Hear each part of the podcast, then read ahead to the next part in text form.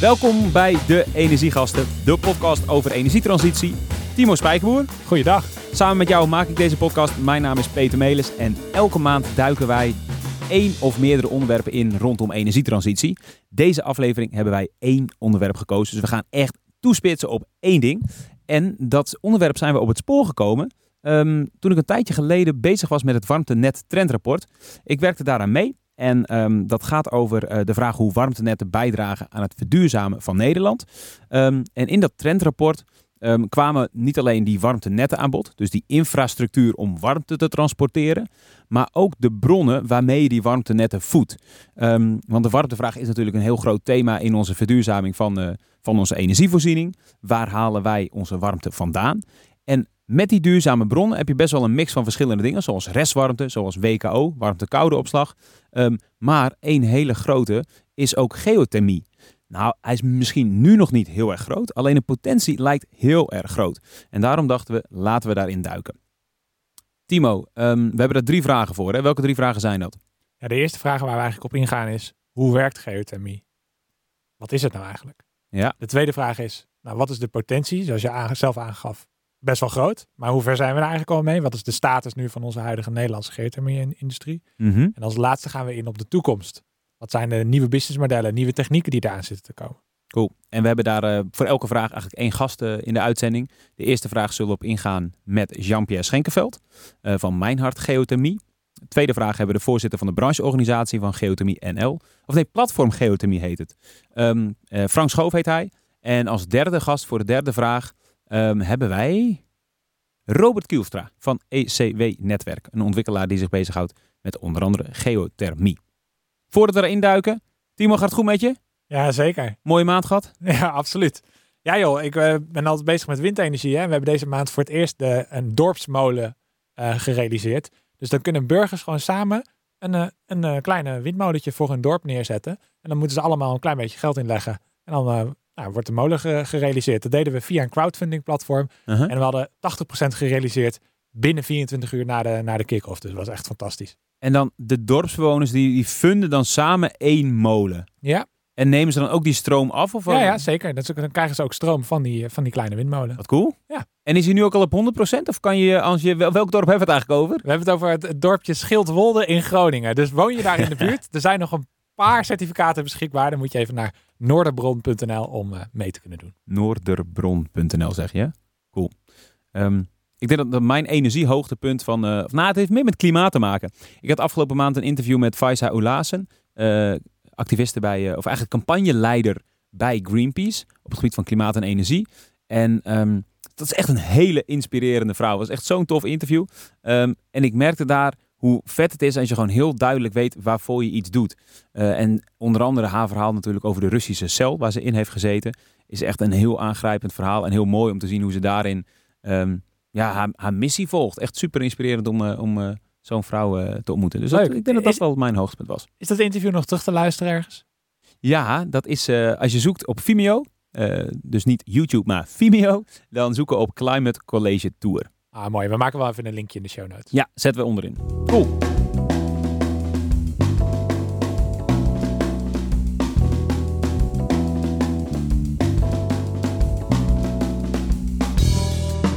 We gaan naar onze eerste gast, Jean-Pierre Schenkenveld van Mijn Hart Geothermie. Welkom bij de Energiegasten. Welkom. Goeiedag. Ja, Goeiedag. goeiedag, mooi. Jean-Pierre, eh, jij bent oprichter van Mijn Hart Geothermie en je bent ooit ook eh, bij een ander bedrijf betrokken geweest bij de eerste boringen in Nederland rondom geothermie. Ehm, heel even in het kort, wat is Mijn Hart Geothermie? Wat doe jij met dat bedrijf? Uh, Mijn Geotemie pakt eigenlijk het project vanaf het Geotemie-project vanaf het begin aan. We, we, kunnen het ontwerp maken. Uh, en dat zetten we door tot uh, engineering en uiteindelijk projectbegeleiding. En na de realisatie uh, houden wij de installatie ook in stand. Dat betekent dat wij een compleet monitorings- en onderhoudsprogramma eraan vastknopen. Wat is geothermie eigenlijk, Jean-Pierre? Geothermie staat voor aardwarmte. En wat er gebeurt is, we halen uit, uit diepere grondlagen halen we water naar boven. Uh, moeten we tegenwoordig denken aan zo rond, uh, ja, pak een beetje tussen de 2 en de, en de 4 kilometer. Uh, bovengronds wordt het, de energie overgedragen aan een secundair circuit door middel van warmtewisselaars. bovengronds hebben we een ontgassingsproces. Hoeft niet, maar normaliter hebben we een ontgassingsproces en daarna gaat het de bovengrondse installatie in. Wacht even, ontgassingsproces, dus dat betekent er komt gas mee als je dat water omhoog pompt. Begrijp ik dat goed? Ja, het zit gecomprimeerd in het productiewater. En door de drukval uh, wordt het gas, uh, komt er methaan vrij. En dat, dat kunnen we drogen. En dat kunnen we gewoon uh, verstoken in een ketel of in een warmtekrachtkoppeling. Ah, dus, dus dat gebruik je ook weer. Dus, eigenlijk, dus geothermie is het gebruik maken van de warmte van de aarde. Die boor je op aan de hand van, eigenlijk van grondwater wat dan al in de, in de bodem zit? Ja, dat zijn water, watervoerende pakketten. Die zoeken we op. Er zijn weer mensen die hebben daar veel verstand van. Dus de geologen die vertellen ons uh, naar welke diepte we kunnen boren om dus uh, watervoerende pakketten te vinden. Ja. En daar boren we dan naartoe. We halen het water omhoog en we injecteren dat ook weer. En dan moet je je voorstellen dat we in hetzelfde pakket, dat we zeg maar tussen de, tussen de aanvoer en de retour zit ondergronds ongeveer een anderhalve kilometer. Ja. Uh, zodat er, nou ja goed, dat het water, de, de cirkel die je maakt, het water ook weer de tijd krijgt om de lokale temperatuur aan te nemen, uh, weer op te nemen totdat het weer bij de, bij de aanvoer begonnen is, zeg maar. Okay. Ah, ja. En hoe groot is dan het, uh, het, het, temperatuurverschil tussen uh, wat je oppompt en wat je weer terugstopt? Nou, het, de, de aanvoertemperatuur is gerelateerd aan de, aan de boordiepte. Dus als voorbeeldproject waar we nu mee bezig zijn, daar zitten ongeveer 2,5 kilometer diepte. En dan krijg je ongeveer 85 graden water omhoog. En we koelen uit in de tuinbouwkassen. Mm -hmm. En dat zijn natuurlijk prima, uh, prima installaties om uh, uh, 35 graden ongeveer retour te, te, genereren. Dus we halen 50 graden water of we halen 50 graden uit het water. Oké, okay, duidelijk. En dat 35 graden water, dat gaat weer terug naar datzelfde watervoerende pakket? Ja. Oké, okay, oké, okay. helder. Hey, jij was betrokken bij die alle, allereerste projecten. Dus echt het, uh, het pionierswerk van, van geothermie. Hoe, kan je iets vertellen over, over hoe die projecten gingen en, en wat jullie allemaal zijn tegengekomen daarin? Uh, hoe lang is dat trouwens A geleden? Uh, 2005 startten de eerste gesprekken erover. En in 2007 is de eerste boring, uh, het eerste dublet gemaakt in, uh, in Blijswijk. Oké, okay, dus we hebben het eerste jubileum van geothermie dit jaar te pakken. ja, ja, zeker. Ja, ja, ja, ja, En heel even om die term te begrijpen, een dublet zijn dus twee boringen, eentje voor de aanvoer en eentje voor de afvoer. Klopt als een bus, ja. Oké. Okay. Nou goed, dat was een uh, tomatenkwekerij ANG van de Bos. Dus die uh, hadden het plan gevat om dus uh, nou, gaten te gaan boren. Heeft een boorbedrijf benaderd. Het boorbedrijf heeft, heeft de twee doubletten gemaakt. En bovengronds hebben, hebben wij dat destijds in mijn toenmalige werkgever hebben het gekoppeld aan het verwarmingsnet in de kas. En ging dat dan allemaal zonder slag of stoot? Was, was, dat, was dat makkelijk te doen? Het was eigenlijk makkelijk te doen. Kijk, het, het, het boorproces dat is uh, ja, niet anders dan dat je gaten boort naar olie of, uh, of gas. Maar de grootste uitdaging bleek uh, te zijn het, het zoute water. Dus eigenlijk het primaire circuit, zoals wij dat noemen. En dat zoute water, dat, ja, dat geeft problemen als erosie en, ja, en ook corrosie. Maar is dat zout water omdat je dan in de kustregio zit, dat het op die diepte dan zout is? Of is dat in heel Nederland op die diepte zout? Ja, daar zitten ook nog verschillen in. Bijvoorbeeld in het noorden van Nederland, daar, daar is nou wat diepere lagen geboord. Daar is het zoutgehalte nog iets hoger als hier in, in, nou ja, goed, in het Westland. Mm -hmm. Maar dat zijn in ieder geval, uh, het is allemaal zout water. En, en dat is dus hartstikke agressief daardoor, dat, dat, dat zoute water? Nou, en, en, als het in aanraking komt met zuurstof. Ja, precies. Dan wordt het echt een probleem. Ja, wat, wat, wat wel zo is, dat omdat het uh, een hoog zoutgehalte heeft, het, uh, het, zorgt voor uh, erosie. Van alle leidingen en alle ja, ja, ja, precies. Ja. En als ik dan dus eigenlijk even zo, zo samenvat, dan zeg je eigenlijk, nou, het ging eigenlijk best wel goed de eerste projecten. Ja. Je moet ervoor oppassen dat er dus ook gas vrij bij kan komen als je dat gaat oppompen. Nou, daar moet je wat mee in je bovengrondse installatie met dat gas. Dat kan je drogen en vervolgens weer gebruiken. En daarnaast heb je dus dat hele zoutige water. En je moet ervoor zorgen dat je bovengrondse installatie, dat die daartegen bestand is. Kan ik me voorstellen dat je nou, uh, dat je daar ook nog een beetje mee moet dan zoeken van uh, welke materialen heb je nou uh, die, die, die goed in die installatie passen. Zijn dat dan ook de, de dingen waar jullie nu mee bezig zijn voor de toekomst? Ja, dat is zeker. We zijn nu een project aan het doen waarbij we, ja, laten we zeggen, naar eer en geweten op zoek zijn gegaan naar de beste spullen. En dan hebben we eh, ja, vooral ook gekeken uit de olie- en gasindustrie. Dat is toch wel mooi dat, dat, dat dit een, een duurzaam vakgebied is. Waar we toch veel fossiele kennis nog voor kunnen gebruiken. Is het toch nog ergens goed voor? Mooi. Ja. Jean-Pierre Schenkenveld, oprichter van Mijnhout Geothermie. Dankjewel voor je toelichting. En eh, wij gaan verder met eh, de energiegasten. Dankjewel. Dankjewel.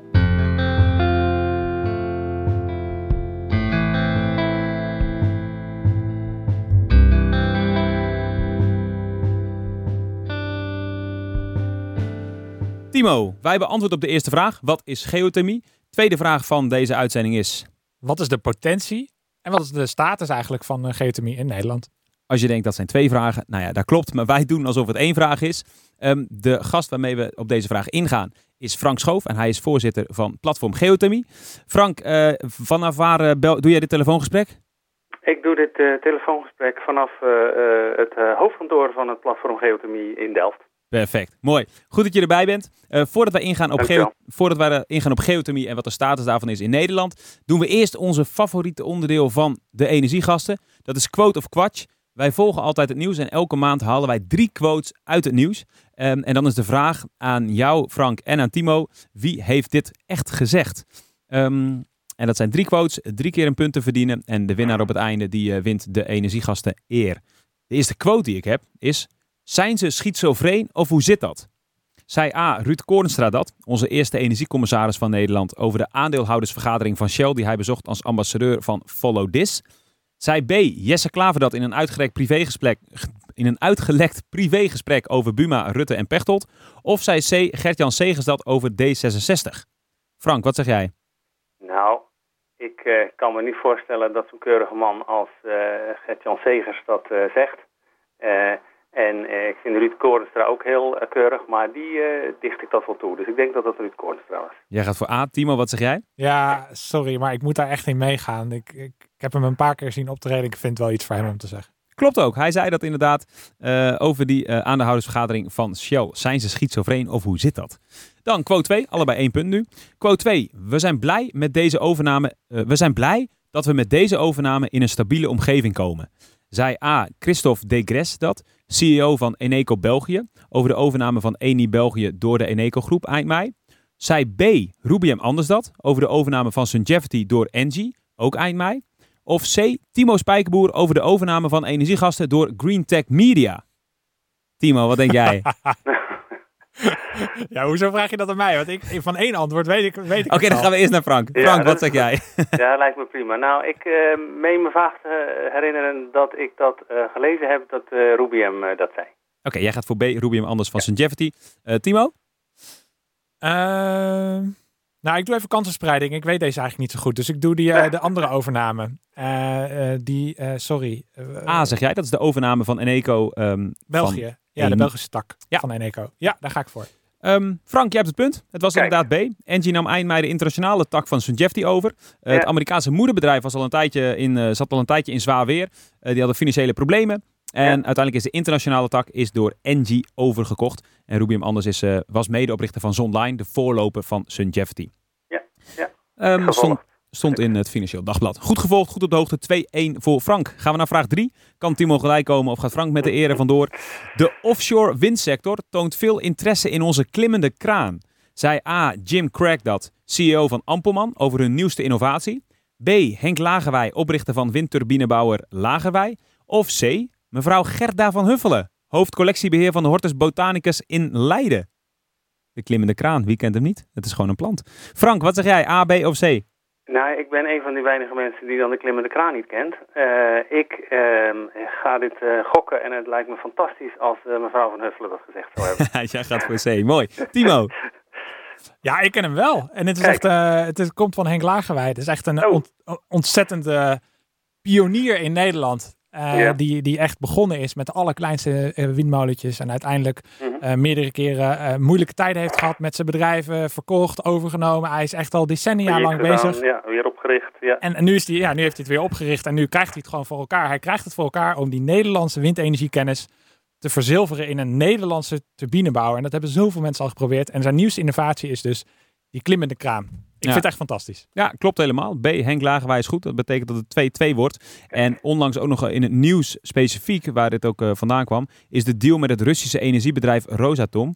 Um, ze hebben daar een deal getekend om personeel te trainen die per jaar 250 windturbines kunnen bouwen en ook nog meer zelfs kunnen onderhouden. En uit 21 mogelijke partners werd Lagerwij gekozen als technologiepartner. Dus het gaat inderdaad echt voor de wind met Lagerwij. 2-2 um, geworden, allebei Timo en Frank, allebei de eer mee naar huis. Ja. Mooi, dan um, is het tijd voor uh, waarvoor we je eigenlijk aan de lijn hebben, Frank. Ja.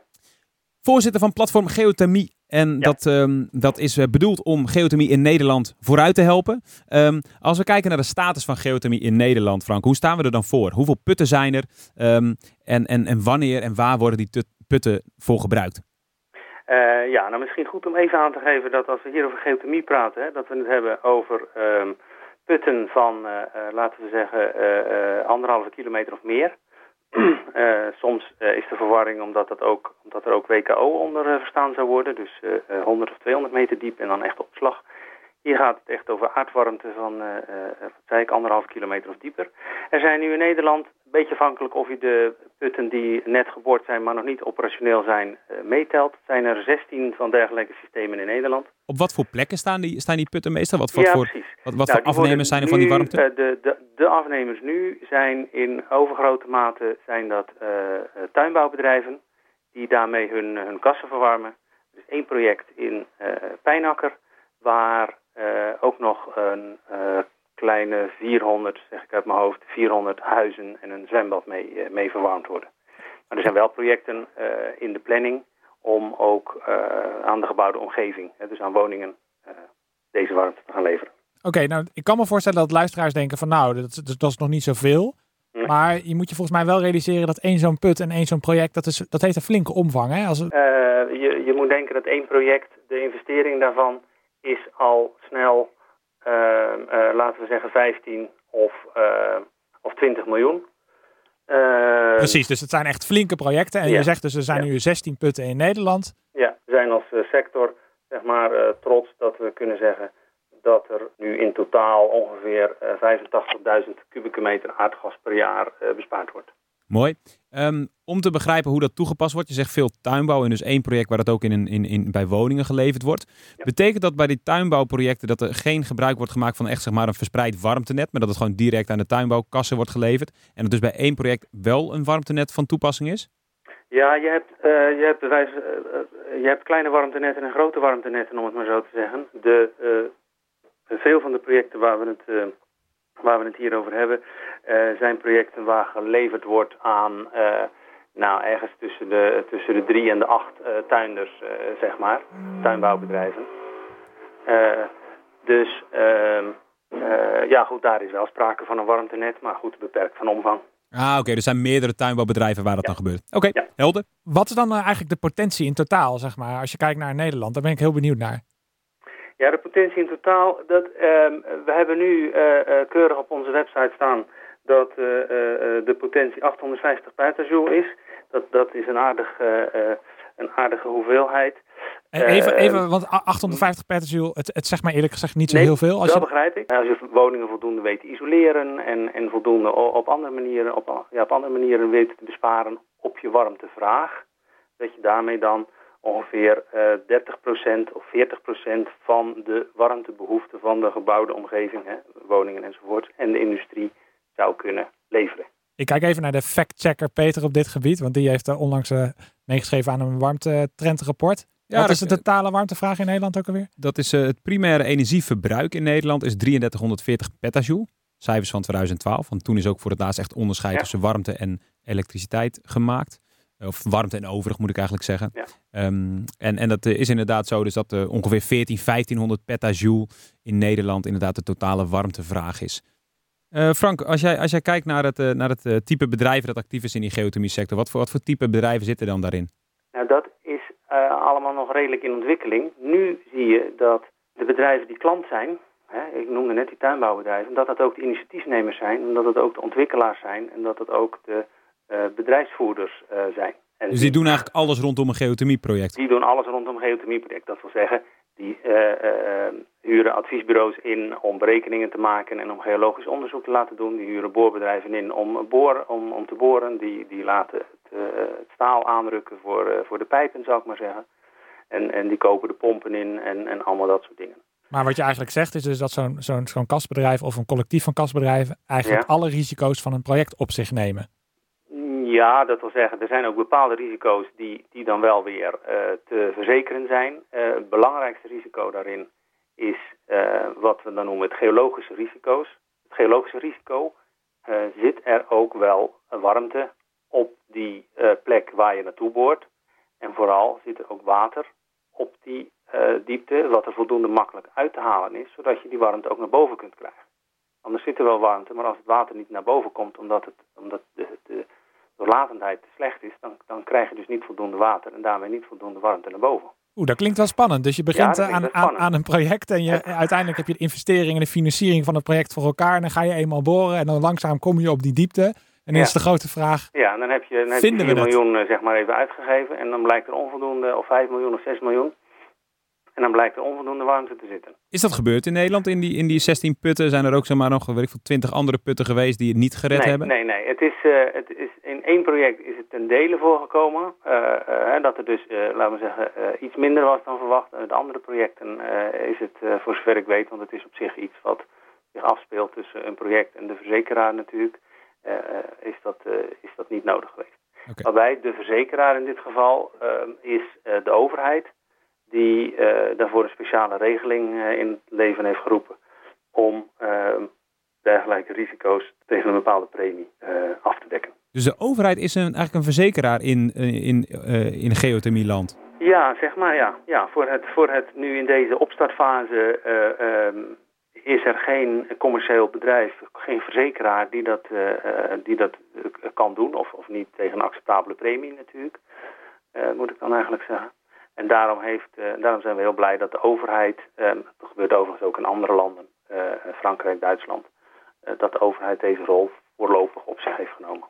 En daarnaast zie je nu wel dat, ehm, ehm, omdat we, willen niet alleen eh, geothermie eh, in de tuinbouw, maar ook, ik noemde het al, in die gebouwde omgeving en in die industrie, zie je al andere partijen opstaan die eh, zich ontwikkelen als eh, partij om dergelijke eh, projecten te gaan doen. En eh, ja dat is interessant. Dus je zegt eigenlijk in de toekomst gaan die rollen een beetje verschuiven. En, en Ja. hoe, hoe, hoe, gaat dat, hoe gaat dat toekomstige landschap er, eruit zien? Want je zegt dus eigenlijk dat de afnemer daar en, de, en de ontwikkelaar, dat worden eigenlijk twee gescheiden rollen. Juist, precies. Dat, dat, dat, je ziet een loskoppeling van, van, van eh, klant, eh, eh, ontwikkelaar en bedrijfsvoerder misschien nog wel. Ja, als ik naar die grote fossiele bedrijven kijk, zoals Shell, die in het verleden wel eens uitstapjes hebben gemaakt naar eh, zonne-energie of windenergie, dan werden ze teruggefloten door een aandeelhouders van, ja, dit is allemaal heel leuk, maar dit heeft niks met jullie core business te maken. Ja, Dit, is, dit lijkt me nou uitgelezen eh, opkomend vakgebied, wat ook nog eens een keer in de, heel goed past in de duurzame energietransitie, waar ze hun Mhm. mond van vol hebben, wat Mhm. wel aansluit bij hun, ja, hun kerncompetenties, namelijk eh, geologie. Goed snappen wanneer je wel en wanneer je niet moet gaan boren. ja. Ja. Dus zie je nou dat Ja. dat soort fossiele bedrijven ook actief worden in deze sector, of ja niet? die, worden, die worden langzamerhand actief. Dus dat, dat, dat, vinden, we, eh, dat vinden we heel goed nieuws. Ehm, even kijken. ehm, maandag, eh, wanneer was het? Eh, maandag de 19e, even uit mijn hoofd. Is, eh, ook een, eh, is ook bekend geworden dat de EBN, hè, de, de, de staats, eh, het staatsolie- en gasbedrijf, om het maar even zo te zeggen, van Nederland, dat dat ook actief gaat worden in de, eh, in de geothermie. Nou, dat lijkt me geweldig nieuws. En, En- en is Shell dan ook al actief in geothermie? Nee, Shell is niet actief in geothermie. Je, je ziet dat ehm, eh, er zijn ehm, een paar bedrijven nu, die, een paar olie- en gasbedrijven bedoel ik dan, die actief zijn in de, eh, oh, actief worden in de geothermie. Ehm, en eh, ja, een heleboel dus nog niet. Eh, Maar wat zou een bedrijf als Shell dan tegenhouden om erin Nou, te precies. stappen? Wat, wat houdt ze tegen? Dat is, dat is betrekkelijk eenvoudig. Ehm, ze hebben van, eh, laten we zeggen, van de afzet van warmte, hebben ze geen verstand. Ehm, ehm, het is natuurlijk zo dat als je olie of gas eh, boven haalt, zeg maar, dan eh, weet je zeker dat je dat kwijt kunt. Je kunt het een beetje opslaan en, en je kunt het door een buis stoppen en er is altijd wel afname voor. Voor warmte is dat niet zo. Ja, Als je- nu is het, nu is het wat kouder en gisteren was het, was het wat warmer, zou ik maar zeggen. De warmtevraag gisteren was bedroevend laag. Dus, je, dus je moet heel erg rekening houden met de seizoensinvloeden. Je moet er heel erg rekening mee houden dat als jij een pijp hebt naar jouw afnemer en die afnemer gaat failliet, dat je dan niet meer kunt afzetten. Dus, de, dus het product wat je levert is heel anders. Dat is één, dat is een buitengewoon belangrijk aspect voor hen. En een tweede is dat al met al ook al, uh, nee, dat, ja, dat al met al de winstgevendheid van dergelijke, uh, dergelijke projecten laag is. Uh, dat heeft allerlei oorzaken. een opkomende industrie, ehm, weinig schaalvoordeel, noem maar op. Als we, klopt. Als we heel even een uitstapje maken en naar de toekomst kijken, Frank. Ja. Um, warmtenetten haalden we al even aan. Het verspreiden van warmte in de toekomst. Uh, Nederland uh, wil van het, uh, het aardgasnetwerk af. En warmtenetten spelen daar een cruciale rol in om dat te kunnen doen. Hoe zie jij de mix van verschillende bronnen om warmte op te wekken? Zoals WKO, zoals geothermie, zoals restwarmte. Um, in ja. die mix van de toekomst. Hoe belangrijk is geothermie daarin? En hoe ga je ervoor zorgen dat geothermie daar goed ingezet wordt? Pragmatisch antwoord is we zijn nu, bij wijze van spreken, we leven nu minder dan 1% van de warmte. Dus of we nou gaan groeien naar 25%, 30 of 35, dat maakt dus helemaal niet uit. Dat is, dat is recht vooruit die kant op. Dus wat we daar allemaal voor moeten doen, maakt wat dat betreft niet zo heel veel uit. Als je toch, toch een antwoord wil op de vraag van hoe gaat die energiemix eruit zien, dan denk ik dat je zeker het gas, aardgasnetwerk niet, moet, niet uh, wij spreken de grond moet uithalen of moet verwaarlozen. Maar dat je uh, dat, dat kostbare netwerk in bepaalde gebieden zeker in stand zou moeten houden. Uh, misschien wel voor biogas, misschien wel voor um, waterstofgas gemengd met weet ik veel wat allemaal. Ja. Um, en dat je daarnaast inderdaad een, laten we maar zeggen, gezonde combinatie zult krijgen van um, ja, all-electric, warmte-koude opslag, warmtepompen, lucht, bodem, weet ik het allemaal, geothermie en uh, restwarmte. Ik hoor het al, eh, jij zit heel erg in het en, en, en verhaal. Absoluut. Alles gecombineerd en het gas, uh, de gasinfrastructuur niet aan de wil gehangen. Absoluut. Duidelijk. Duidelijk. Dank. Yes, nou, geen dank en succes verder.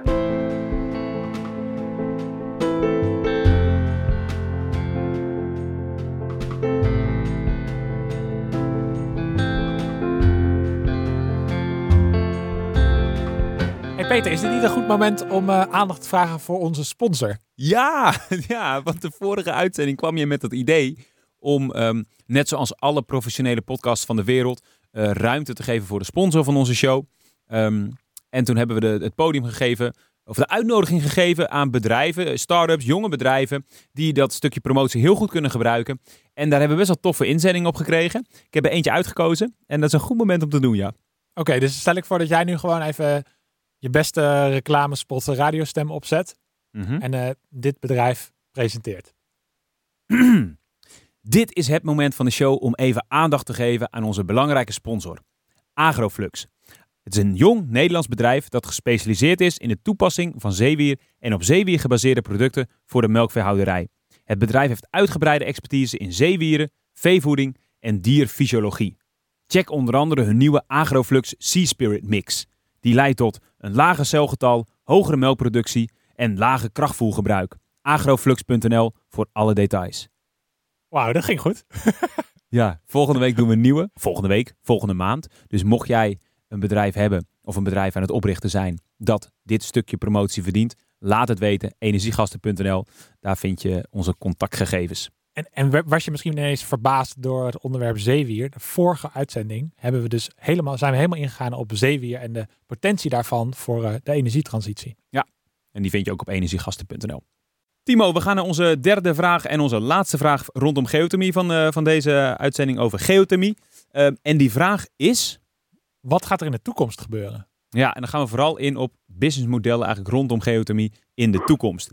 Um, directeur van ECW-netwerk, Robert Kielstra, is onze, onze derde gast van, van vandaag. Uh, welkom bij de Energiegasten, Robert. Dankjewel, uh. Um, om even te beginnen met ECW-netwerk. Um, wat is dat? Wij zijn een uh, energiebedrijf. Wij transporteren energie, elektra, gas, water, CO2, warmte en data. Ja. En wij produceren geothermie en een beetje WKK. En dan leveren we wat diensten omheen. Uh, we zorgen dat de energiestromen ook optimaal ingezet worden met een soort smart grid oplossing. Wat, wat zijn jullie klanten? Uh, grote energieverbruikers, glastuinbouw, datacenters, windmolens, dat is dan een producent. De, het zijn prosumenten allemaal. We hebben allemaal prosumenten. Oké, dus dat zijn afnemers die zelf ook produceren. Juist. En we gaan nu in eventjes specifiek op die geothermie-tak.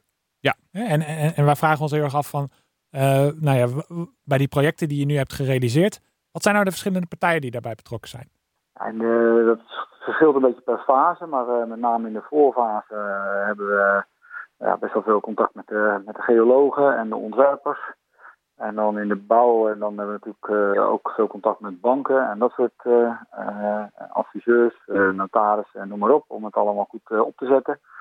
En dan in de, in de realisatiefase nog steeds met de ontwerpers van de put en de geologen voor eventuele aanpassingen. En natuurlijk met alle uitvoerende partijen, de boorders, de, de, spoelingspartijen, alle, alle contractors die daaromheen betrokken zijn. En natuurlijk niet te vergeten met de overheid en de, en de omgeving. En, en als je dan kijkt naar, naar meer de, de, de, de toekomst van, van geothermie in Nederland. Jullie hebben dat nu met, met, voor afnemers, voor wie je dat doet. Uh, zie je daar veranderingen richting de toekomst? Zie je dan andere partijen daarbij komen? Of zie je andere, andere uh, businessmodellen daaromheen ontstaan? En wat je nu ziet is dat, ja, dat het onder de radar vandaan raakt. Dat ook de belangstelling krijgt van een groot publiek. En ik hoop dat geothermie ook ja, van waarde kan worden voor andere sectoren. Dus woningbouw of uh, industrie en, uh, en, en, natuurlijk veel meer glastuinbouw nog. 95% van de warmte uit geothermie wordt in de glastuinbouw verkocht op dit moment. En, en klopt het dan dat dat eigenlijk een, een relatief makkelijke afnemen groep is waar dat nu voor gebeurt? En dat het dan lastiger wordt om dan bijvoorbeeld aan de hand van een warmte, een grote warmtenet dat voor andere type klanten te doen? Ja, een glastuinbouw is wel een goede warmteklant. Het zijn, uh, vaak zitten ze bij elkaar. Dus je kunt uh, op een uh, relatief klein gebied met een relatief eenvoudig warmtenet kun je ja, veel warmte leveren. En glastuiners die zijn er ook op ingericht om warmte goed uit te koelen. Dat is ook niet onbelangrijk. Kijk, een geothermieproducent die pompt water rond. Dat komt heet uit de grond en gaat koud weer terug in de grond. Hoe kouder het terug in de grond gaat, hoe meer warmte je oogst. Mm -hmm. Dus je moet eigenlijk een klant hebben die goed uitkoelt, zeg maar. En dat dat gaat heel goed in de glastuinbouw. Oké, okay, en wat is er dan voor nodig nu naar de toekomst toe om die andere type klanten ook te gaan bereiken? Ik denk dat je dat, dat, dat het lagerende fruit, dat zijn uh, gebieden waar al warmtenetten zijn. En ik denk ook dat je dan ja, zeg maar met die, met die hele gemeenschap moet gaan kijken hoe, uh, hoe, hoe, je ook die retourtemperatuur een beetje uh, aantrekkelijk krijgt. Als je water terugstuurt met, met 60, 70 graden, nou, dat, dat gaat niet vliegen. Wat je bijvoorbeeld kunt doen is als je water van 150 graden oogst, dan kun je eerst elektra mee maken. Dan is het 90 graden, dan zou je er een woningbouwwijk mee kunnen uh, doen. Als je bijvoorbeeld 70 graden, dan zou je er nog een kast mee kunnen verwarmen. Dus dat is ook een manier van uh, zo'n project uh, runnen. Dan hoeft eigenlijk niemand wat te veranderen. Een woonhuizen kunnen gewoon een beetje hetzelfde blijven. Die kunnen werken met een relatief hogere toertemperatuur, 60, 50, 60 graden. En de glastuinbouw zou het daarna nog kunnen gebruiken om het uit te koelen naar bijvoorbeeld 25 graden. Nou, dat is slim. Eerst elektra maken, en dan een woning leveren en dan naar de glastuinbouw. Zijn er al plannen voor zo'n soort project? Hebben jullie daar plannen voor om dat zo slim bij elkaar te brengen? Je, wat je ziet binnen de projecten nu is dat dat wel ook gebeurt. Uh, er is, uh, ik weet van een project waar het eerst langs uh, kwekers gaat die het relatief hoogwaardig gebruiken. En dan naar wat ze noemen een, een koude glastuinbouwteelt. Die eigenlijk alleen maar een beetje fosvrij wil zijn en wat, wat, wat minder hitte nodig heeft. Eigenlijk de retourwarmte van die andere. En die gebruiken het nog weer. Uh, wij gebruiken zelf, uh, hebben een proces wat, uh, waarbij we bevroren CO2 moeten ontdooien. En daar gebruiken we ook de restwarmte van de glastuinders voor. Die zijn niet meer kunnen benutten. Die warmte die gebruiken wij nog een keer om dat CO2 op te warmen. Oké, okay, duidelijk. Dat zijn bijvoorbeeld voorbeelden. Dus je hebt nu heel, heel duidelijk aangegeven van dat je als je slim afnemers gaat combineren, hè, dat je dan een nieuwe type klant, een nieuwe doelgroep kan gaan bereiken in de toekomst. Ik ben benieuwd, zijn er voor de toekomst ook nieuwe type businessmodellen mogelijk nodig uh, ja, om geothermie verder te brengen?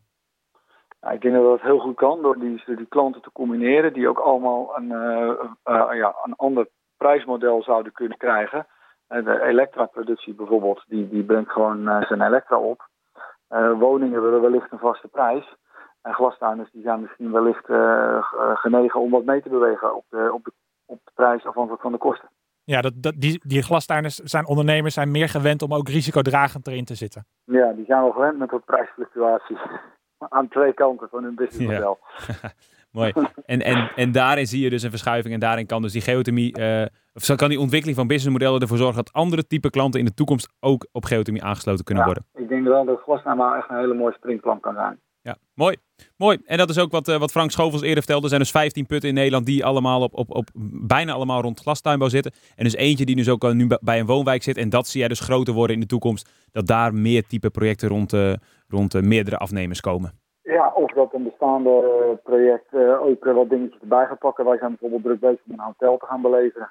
Ah, als je toch die warmte hebt, ja, dan pak je mee. Je gaat het niet maken voor een hotel. Ja. Dat is Ja. te duur. Maar als je er vlakbij zit, ga je er ook niet omheen. Ja. Het, is, het is ook allemaal wel erg afhankelijk van, eh, van de topologie. Hè? Zeg maar, welke afnemer Ja. zit op welke plek en kan je daar nou makkelijk eh, bereiken. Ja. dan is nog Slechte warmte is slecht te transporteren. Hoe ga je om met het risico dat als jij een geothermieput aanlegt, je ehm, afnemers wil hebben die daar voor lange tijd gebruik van maken? Omdat jij een investering doet van nou, zeg 15 tot 20 miljoen, wat we begrepen hebben van Frank Schoof. Ehm, hoe ga je dan om met afnemers die na twee jaar kunnen zeggen: hé, hey, mijn bedrijf is failliet. Of eh, ik verhuis mijn, eh, mijn bedrijf naar een, eh, naar een andere plek in Nederland. Een hotel dat bijvoorbeeld verplaatst. Als een bedrijf failliet is, dan, dan, nou, dan wordt het wat lastig. Maar als iemand zijn bedrijf verkoopt, dan kun je, daar kun je van tevoren de afspraken over maken. Dat degene die dan dat bedrijf daarna weer koopt, die ook klant wordt. Mhm. Dus ik denk ook dat je altijd moet zorgen dat je meerdere klanten hebt. Niet één of twee. Je moet, je moet echt een groepje klanten hebben, zodat je afhankelijkheid van klanten wat lager wordt. En als het nodig is, die andere klanten ook allemaal nog een beetje extra kunnen afnemen. Zodat het geothermie-project toch eh, ja, blijft bestaan. Ro- Als, als je geothermie gebruikt, is een warmtenet een essentieel onderdeel ervan. Eh, en als er meer afnemers komen, zal dat warmtenet waarschijnlijk ook wat groter worden, omdat je naar meerdere plekken toe moet. Eh, als ECW-netwerk, zijn jullie ook de, de, de partij die ook de eigenaar is dan van dat warmtenetwerk? Of is dat dan een overheid die daar eigenaar van is? Hoe werkt dat? Wij hebben op, eh op eh en ook een ander gebied waar we nu actief worden ervoor gekozen om zelf ook dat netwerk te willen hebben. Wij willen namelijk de klanten hebben. En dat netwerk eh, van tevoren echt robuust aan te leggen. Dus met name de hoofdassen ja, al ruim dimensioneren. Zodat je ook eh, ja, wat groei eh, kunt eh, accommoderen. En een soort basisplan maken van nou ja, als ik uitbreid, hoe gaat mijn net dat dan ja, opvolgen, zeg maar. En jullie zijn er dus eigenaar van die fysieke infrastructuur? Ja. Oké, helder.